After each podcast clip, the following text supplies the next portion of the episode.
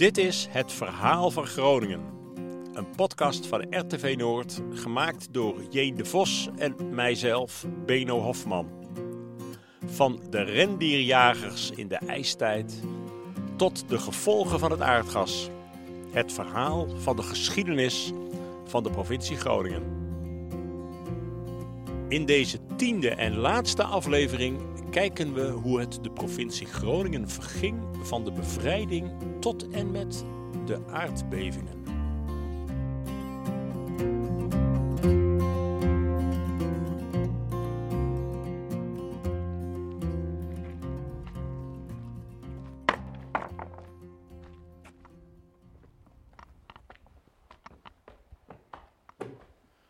Dit is een van de tastbare herinneringen aan de Tweede Wereldoorlog.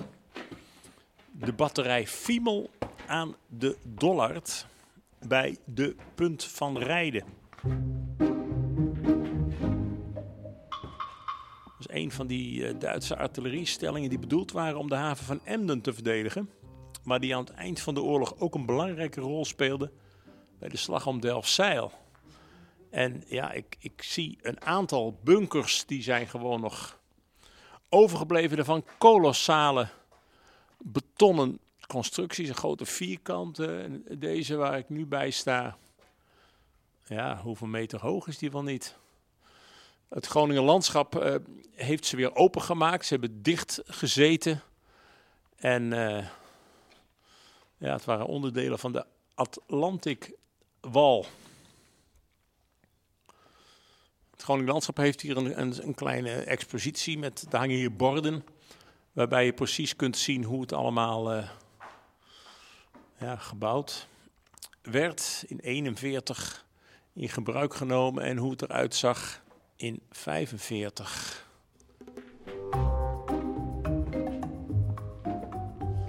We kunnen wel eventjes naar boven gaan, want bovenop daar hebben ze een kanon staan. Ja, dat is dan wel een, een reconstructie. Dus even kijken of we daar echt kunnen komen. Hier is een deurtje. Hmm. Dat is dus dicht. Nou ja, dan kunnen we het alleen van afstand uh, bekijken. Ja, hier uh, rond Delfzijl. Daar werd uh, op Texel na de laatste grote slag geleverd voor de bevrijding van Nederland. Die heftige gevechten die duurden van 23 april tot 2 mei, 45 natuurlijk.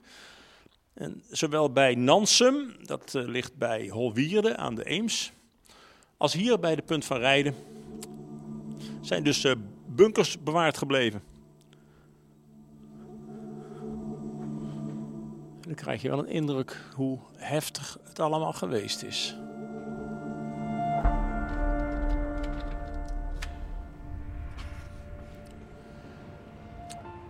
ja, dat uh, er in de stad Groningen en in de hele provincie zo hevig werd gevochten, dat kwam doordat de Duitsers het noorden van het land zo lang mogelijk bezet wilden houden, om daarmee de vluchtroute voor hun troepen open te houden. Terwijl de geallieerden juist die route zo snel mogelijk wilden afsnijden voordat uh, de strijd bij Delfzijl losbarstte, was eerst de stad Groningen aan de beurt. En daar werd in vier dagen hevig gevochten. Van 13 tot en met 16 april 1945. En uh, een van die plekken waar je het allemaal heel goed kunt zien, dat is waar we nu zijn. De Grote Markt.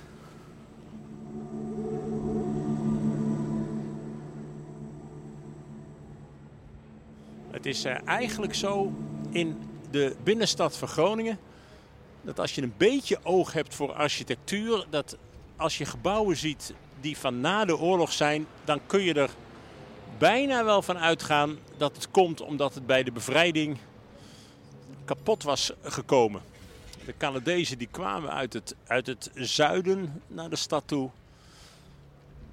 en uh, uit het westen Nou, als je dan eh, bij het Groningen Museum, waar nu het Groningen Museum is, bent, waar we het in de vorige aflevering van deze podcastserie over hadden, dan zie je daar allemaal nieuwe gebouwen van na de oorlog. En dat komt omdat daar gigantisch veel in puin is gegaan.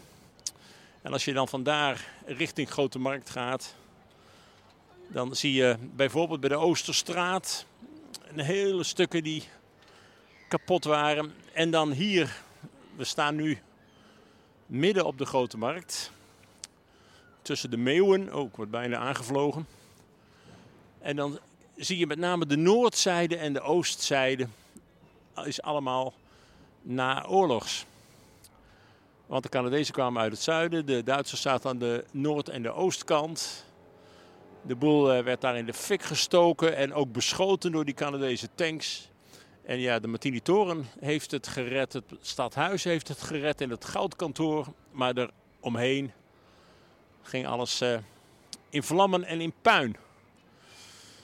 Nou, vrij spoedig nadat dat uh, de bevrijding was, werd besloten om alle ruïnes op te ruimen.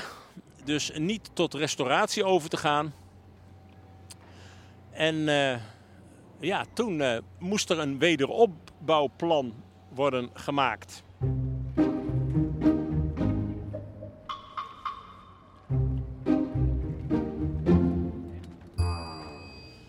Dat plan dat kwam er, maar het duurde door allerlei uh, verschillen van inzicht tot 1949 voor er een besluit lag. En pas in 1952 begon de bouw, de wederopbouw hier. Maar ja, wat je dus uh, ziet, dat is uh, dat heel veel van die wederopbouw nu alweer vervangen is door weer nieuwbouw. Achter het stadhuis, naast het goudkantoor, daar is het nieuwe stadhuis geweest van na de oorlog. Nou, dat is alweer weg. En ook de hele oostwand is inmiddels weer vervangen door nog nieuwere nieuwbouw.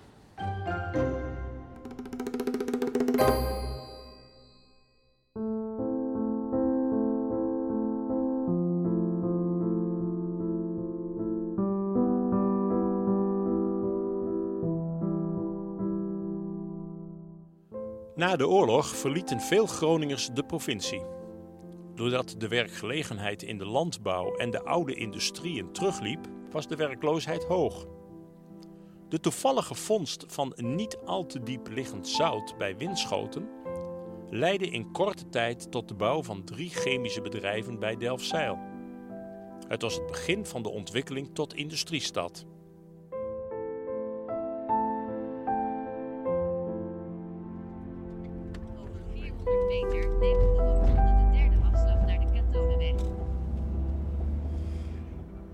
Ja, zo'n andere plaats die ook tot ontwikkeling kwam na de oorlog, dat is Stadskanaal. En daar zijn we nu, dus aan de andere einde weer van de provincie. Het gaat hier om Philips. Philips Eindhoven was een bedrijf dat ook in de gaten had dat er mogelijkheden waren in Noord-Nederland. In uh, Drachten werd in 1950 een Philips-vestiging geopend. En dat gaf een enorme ontwikkeling in, uh, in Drachten. En in 1955 kwam er een tweede bedrijf van Philips in het noorden. En wel hier in Stadskanaal. Nou, we zijn daar nu. Op dit moment ziet het er allemaal nog wat vervallen uit. Maar het is de bedoeling dat het opnieuw tot ontwikkeling komt. Ingang zie ik hier. Dit zal het wel zijn dan. Verboden toegang, hondenbewaking. Oh, en daar zie ik Ed Donga staan. Daar heb ik mee afgesproken.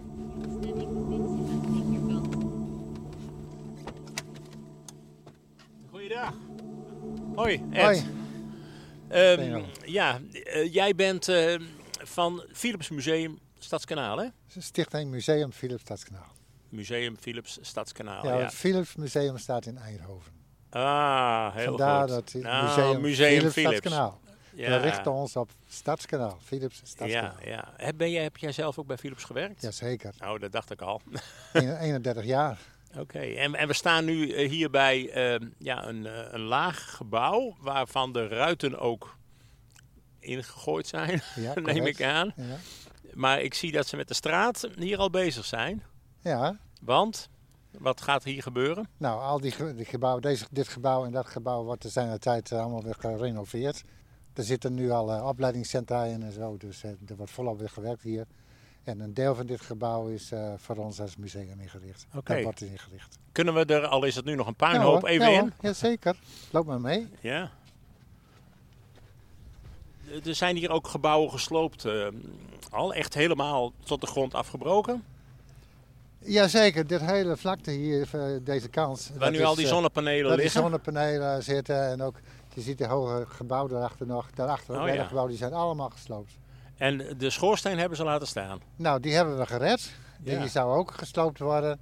En het trappenhuis daarin zou ook gesloopt worden. En daar kunnen we straks ook wel even heen lopen. En maar, eh, heb je de sleutel? Oh, er is geen sleutel. Hier is de sleutel. De deur is gewoon los. Alles Oké. zo in.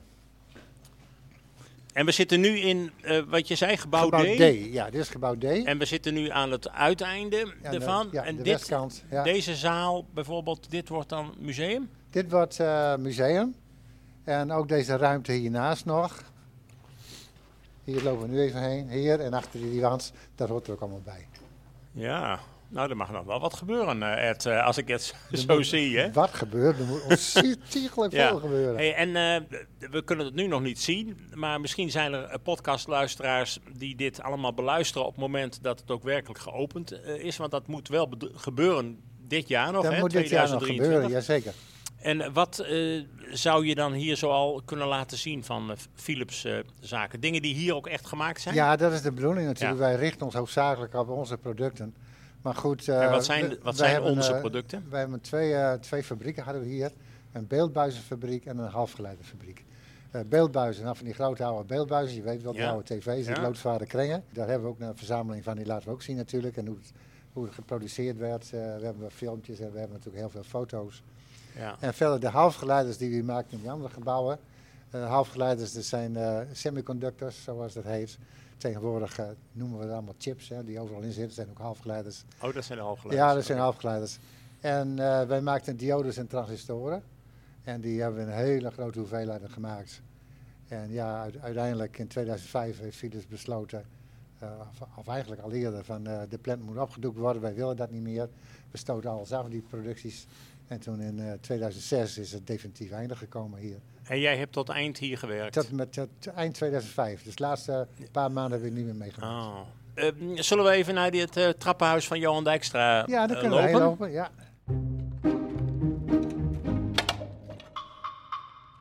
Nee, maar dat was natuurlijk enorm, hè? Want in de toptijd eh, werkten er wel 3000 man, heb ik begrepen. ja, dat klopt. We zijn in 1955 begonnen. In 1960 hadden we al 2000 man aan het werk in Ja. 5, 6 jaar tijd. Mannen, mannen en vrouwen? Ja, mannen en vrouwen. ja. En in eh, 1970 werkten er 3000 man. Zo, ja. ja. Het is heel En- belangrijk geweest voor de ontwikkeling van heel Stadskanaal natuurlijk. moet je wel op rekenen. Met alle ja. eh, middenstand, iedereen die leefde natuurlijk van, eh, eigenlijk van de- het feit dat eh, Philips hier Stadskanaal is groot geworden dankzij Philips. Er moesten huizen gebouwd worden, Ja, scholen moesten uitgebreid worden, sportzalen, ga maar door wat allemaal gekomen is. Ja. Kijk, we lopen hier. dit is al zo gemaakt dat mensen straks ook hier Naar die toren toe kunnen. ja, naar de Ja. toren toe kunnen zonder bij op het terrein van de zonnecel te komen. Dit is van Johan Dijkstra. Ja. Kijk, staat er, de links onder de J en daar staat de D, Ja. 1960. Ja. Dit, dit stelt voor eh, de god Mercurius. Die draagt erboven het eh, symbool van Philips. De Oh ja. wereldbol met de Oh, golfjes en de sterretjes. Ja, het is, eh, Johan Dijkstra was wel een heel veelzijdig ehm, en veel producerend ploegkunstenaar. We hebben het in de vorige podcastaflevering hebben we het over de ploeg gehad in het, eh, in het Groningen Museum. Mhm. Maar dit is, eh, dit is wel heel hoog. eh Ja, Ed, hoe ja, hoog ja, is dit zo 11 ongeveer? meter ongeveer. Oh ja. Dit is allemaal van gekleurde stenen allemaal opgebouwd. ja. En we kunnen ook naar binnen? Jazeker. Oh. Staat wel betreden op eigen risico, Ed. Ja, dat weet ik. Dat er altijd. En, en dan ga- wil je hier ook nog dingen exposeren? Ja, zeker. Dat is ook de bedoeling. Daar hebben we de wand ook zo voor gemaakt dat eh, we gaan eh, dingen exposeren. Dus je kunt hier eh, naar boven lopen. Dit gebouw wordt eh, verlicht van binnen. Met En- Philips lamp zie ik wel. Ja, zeker allemaal LED LED-verlichting. En dat varieert in kleur. Als je buiten staat te kijken dan, dan verandert dat iedere keer van kleur en zo. Dat gaat de hele Ah, dag oké. door. Nou, ik vind het, eh, ik vind het fantastisch, eh, Ed. Ik, eh, ik wens jou eh, heel veel succes met het, eh, met het museum. Hier, het Dankjewel. Museum Philips Stadskanaal. Ja, helemaal goed.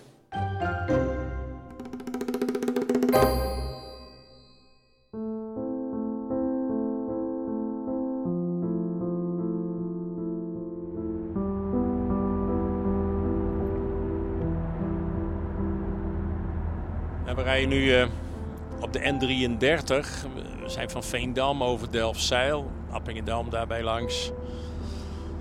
Het is een eh, relatief nieuwe weg. Oude schip hier links. En we rijden op de enorme windmolens van de Eemshaven af.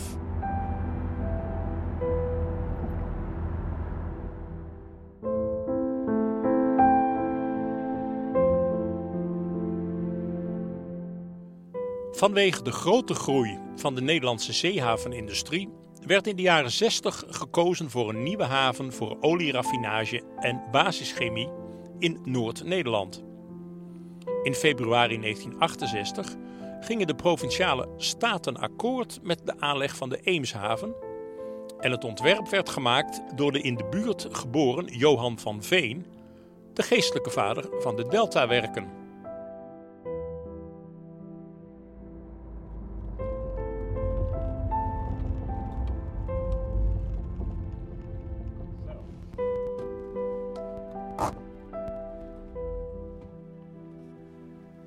Nou, dan zijn we echt wel aan het eind van de weg bij het station Eemshaven.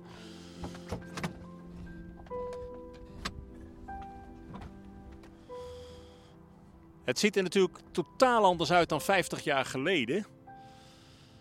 Want dat is het ongeveer dat de koningin Juliana de officiële opening verrichtte. Op 7 juni 1973. Ze gingen eerst naar Delfzijl om de officiële opening te verrichten van eh, ja, de nieuwe havenuitbreiding van Delfzijl. En toen voer ze met het bootje de Rottem naar hier. Nou ja, als ik nou kijk, ik sta met de rug naar het, eh, het stationnetje Eemshaven, wat nog niet zo lang bestaat, zie ik een enorm schip. Dat is dan van de Holland-Norway Lines naar Christiansand. Eh, Sinds kort een enorm succes. En eh, ja, we staan hier recht voor de Borkum-lijn. Boten die hier vandaan vertrekken. En dat bestaat al veel langer.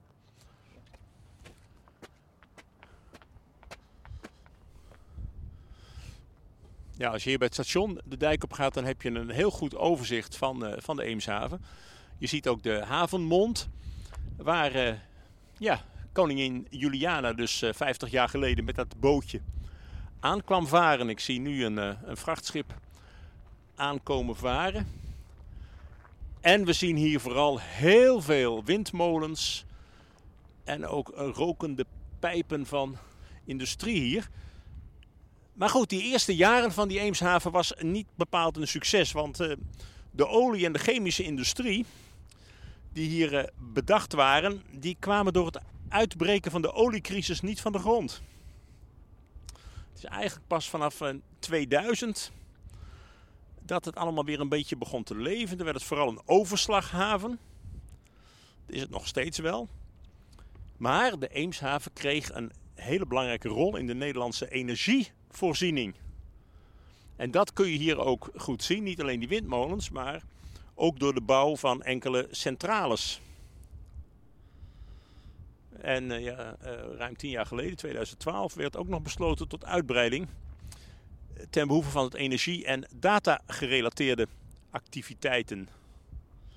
Google, zullen we maar zeggen. Ja, je kunt hier vandaan niet zien, maar we reden net langs een klein molentje, de Goliath. Dat is dan altijd wel een, een leuke attractie hier. Dat kleine molentje, dat eh, ja, een soort van strijd levert tegen de grote molens. Maar ja, al die windmolens zijn natuurlijk wel een, uh, een mooi alternatief voor het aardgas.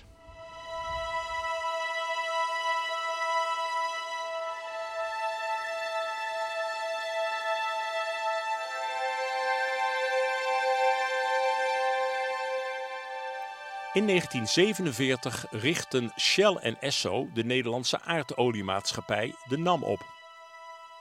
In eerste instantie voor de oliewinning in het Drentse Schonebeek. Zoekend naar olie werd een jaar later bij Koevorden aardgas gevonden. Maar dat stelde nog niet zoveel voor. In 1952 werd er bij Haren en in 1954 bij Vlachtwedde vergeefs naar gas geboord. Maar ondanks de scepsis bij de Shell geloofde de in 1954 aangetreden nieuwe NAM-directeur Henk Steeman in aardgas en hij investeerde in meer boringen.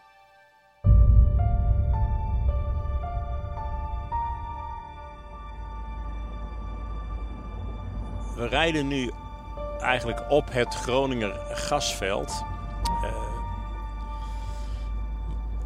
In 1955 werd bij Temboer voor het eerst dat grote gasveld aangeboord. Maar doordat een veiligheidsafsluiter niet goed werkte, liep eh, de druk zo gevaarlijk op dat er een uitbarsting dreigde. Nou, onder leiding van Steeman werd twee weken lang dag en nacht gewerkt om de put weer dicht te krijgen. Nou ja, dat lukte uiteindelijk. En toen liet men het gas voorlopig maar eventjes uh, zitten. En richtte de NAM zich weer volledig op oliewinning.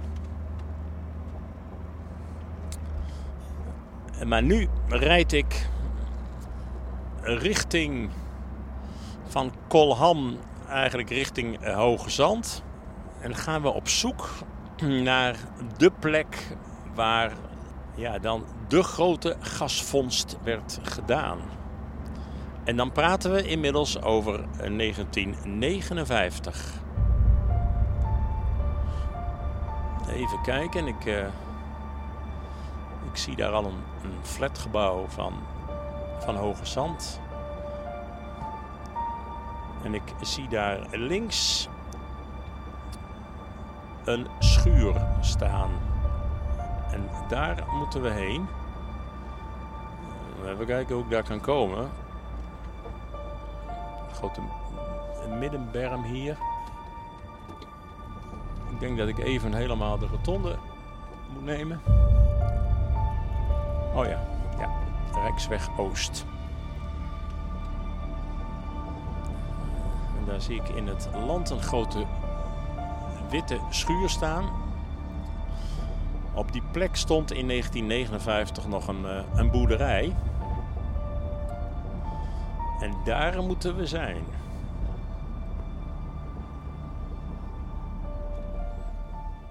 Nou, er zit een, uh, een hek voor. En daar heeft een bordje op gezeten wat leesbaar moest zijn. Verboden toegang, eigen weg. Het is allemaal een beetje onduidelijk, maar we gaan maar even uitstappen.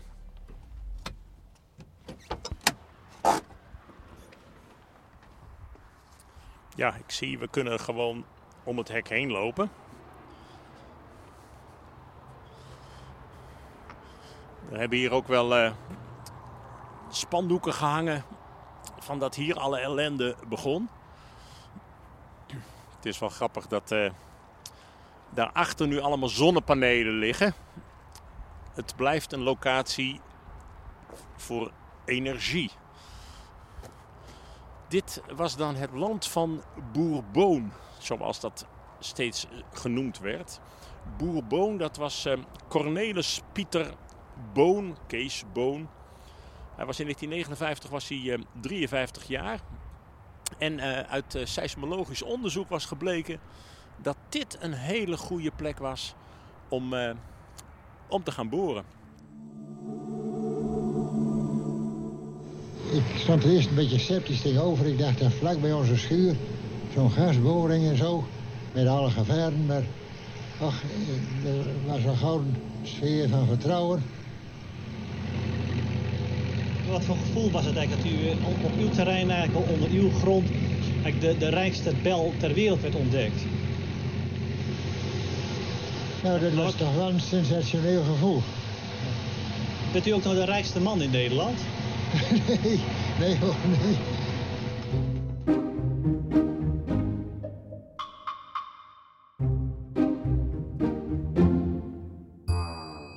Er werd een, eh, een, een toren neergezet en nou ja, je moet heel diep gaan. eh, meer dan eh, 2500 eh, meter eh, de grond in.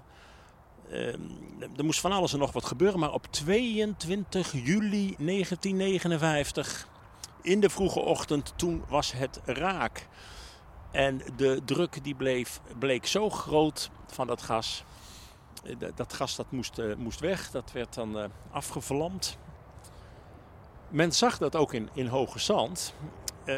Dus een aantal dagen later, begin augustus, stond er in het nieuwsblad van het Noorden op de voorpagina ook een klein stukje. Waarop stond eh, ja, aardgas eh, gevonden bij, eh, bij Slochteren. Toen duurde het nog ruim een jaar voordat eigenlijk het aan de grote klok werd gehangen. De NAM hield het expres een hele tijd stil. En ja, toen uh, notabene door een Belgische Europarlementariër... die dat dan weer in de wandelgang gehoord had van een, eh, van een Nederlander, Nederlandse parlementariër... eh, ja, werd eh, bekendgemaakt door die Belg dat het hier om een gigantisch gasveld ging.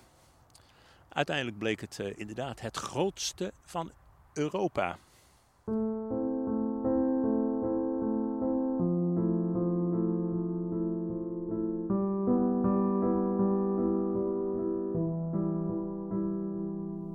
De staat richtte in 1963 de Gasunie op als verkooporganisatie van het Nederlandse aardgas. En de NAM kreeg de winningsconcessie voor dat gas en daarmee kwam de productie van het Groningenveld op gang. Jarenlang was het Groningse gas de kurk waar de Nederlandse economie op dreef.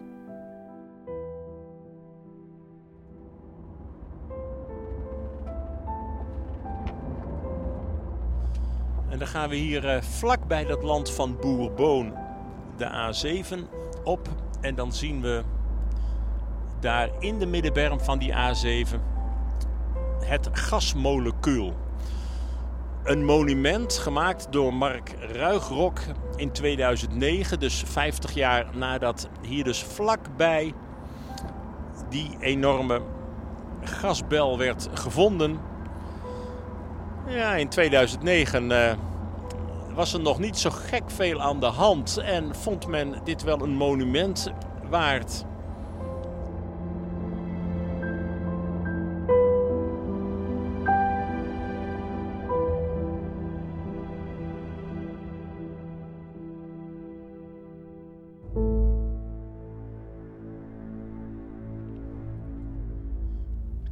We rijden nu langs het Eemskanaal Zuidzijde. Ja, het is eh, een soort B-weg, maar wel behoorlijk druk. Het lijkt wel een sluiproute. Hier ook aan de rechterhand een eh, gaslocatie. Ja, dat aardgas leverde Groningen zelf maar weinig op, maar Nederland gigantisch veel. Er werd zo'n 428 miljard verdiend aan de gaswinning door Nederland. Maar van die 428 miljard belandde maar minder dan 1% in Groningen. Ja, en uh, in Groningen, daar, uh, daar waren al mensen die vanaf het begin waarschuwden voor uh, bodemdaling, maar ook voor aardbevingen. En ja, dat gebeurde dus ook. In het Groningenveld was in 1991 de eerste aardbeving. En sindsdien zijn er al meer dan duizend geweest. Meer dan duizend. Pas na de grote beving in 2012 kwam er enige aandacht voor. En vanaf 2015 kwamen er pas plannen voor uh, ja, voor eh, meer veiligheid voor de mensen in Groningen. En we rijden naar Overschild, omdat dat een van die dorpen is. Ja, misschien wel het dorp dat het meest te lijden heeft gehad aan de aardbevingen. En dat heeft gigantische gevolgen. We gaan praten daar met Klaasje Pen. Daar is het uh, plaatsnaambordje Overschild. En ja, je ziet het onmiddellijk. Overal wordt gebouwd.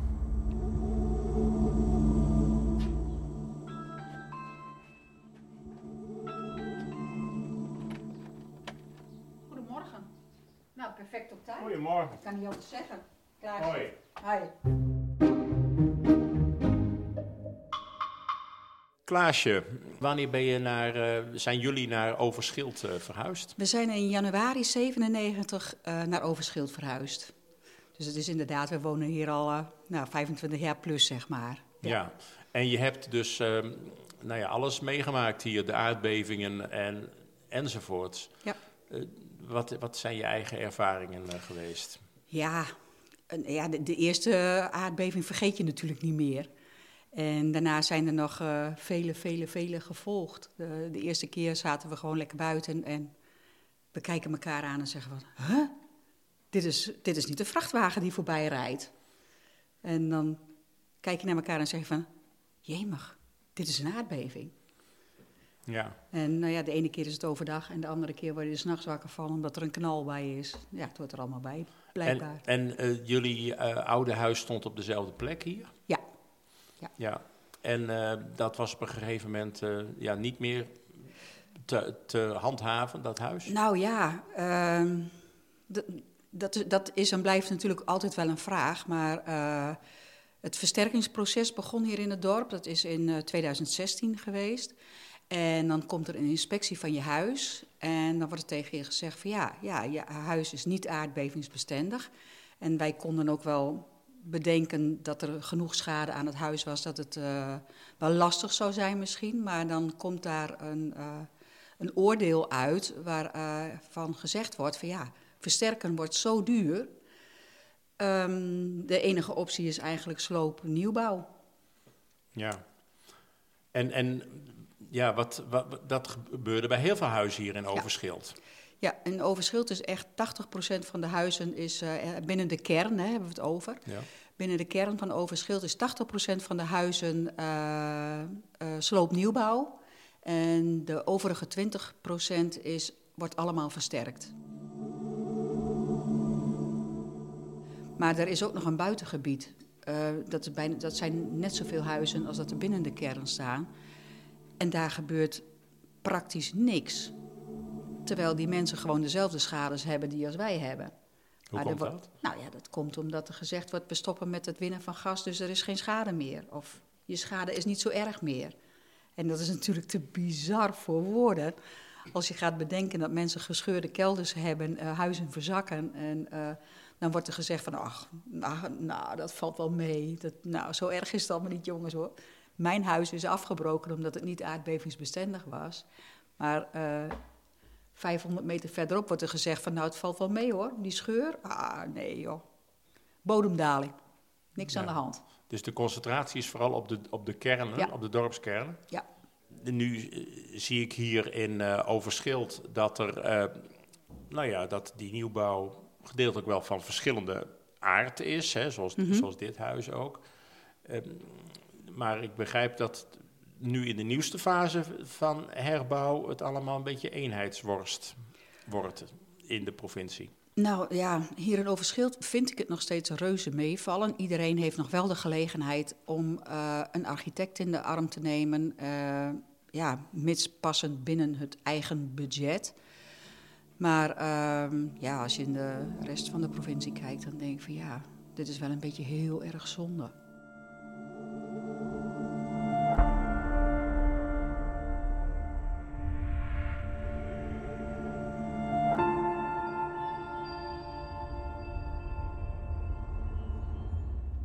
Heel veel Groningers eh, in het aardbevingsgebied die zijn op alle mogelijke manieren daarmee bezig. Eh, natuurlijk in de eerste plaats ook met hun eigen huis. Maar ehm, ook op andere vlakken. En zo is er een burgerinitiatief uit het zogeheten Touwkomstproject. Touwkomst eh, is het Groningse woord voor toekomst. Van het Nationaal Programma Groningen. Dat is dan dat er geld beschikbaar is gesteld voor, eh, ja, ja, voor herstel van de provincie, zou je kunnen zeggen. En dat uh, burgerinitiatief dat heet EPIC. En dat is dan met de letters E-P-I-Q. Een toepasselijke naam. Dat project wil zeggen dat er over een aantal jaren, bij voorkeur op een voormalige winningslocatie met een boortoren dan, een uh, interactief centrum wordt geopend. Waar met onder andere wisselende exposities het verhaal van het aardgas, de aardbevingen, maar ook de energietransitie wordt verteld. Maar ja, ook dat duurt allemaal nog wel een aantal jaren voordat dat zover zal zijn. Ja, en uh, ondanks de keiharde conclusie van de parlementaire onderzoekscommissie is het nog maar uh, afwachten of dit voor Groningen echt een ommekeer betekent.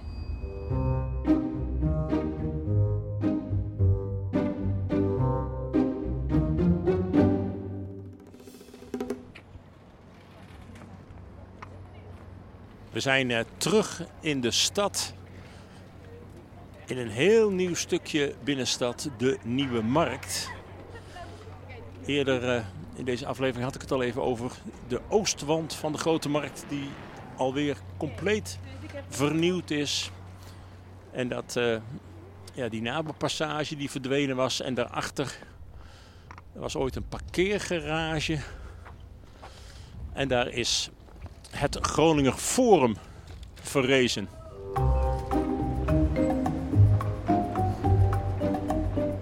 grote attractie eh, hier is het trappenhuis. Als je hier van naar beneden naar boven kijkt, is dat indrukwekkend. Het uh, forum is uh, ontworpen door het Amsterdamse bureau NL Architects. Het is uh, 45 meter hoog.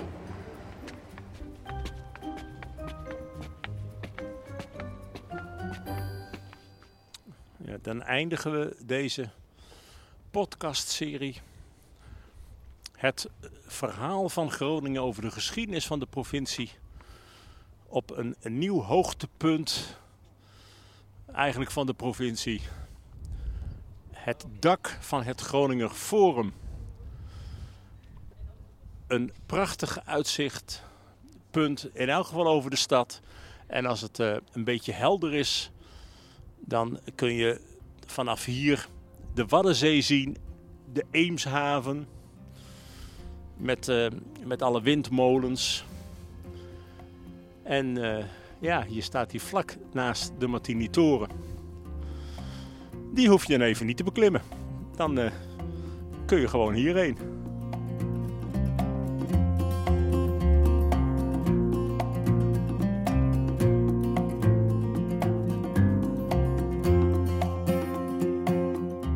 We hebben deze podcast gemaakt dankzij de financiële steun van de provincie Groningen, het Prins Bernhard Cultuurfonds Groningen en RTV Noord.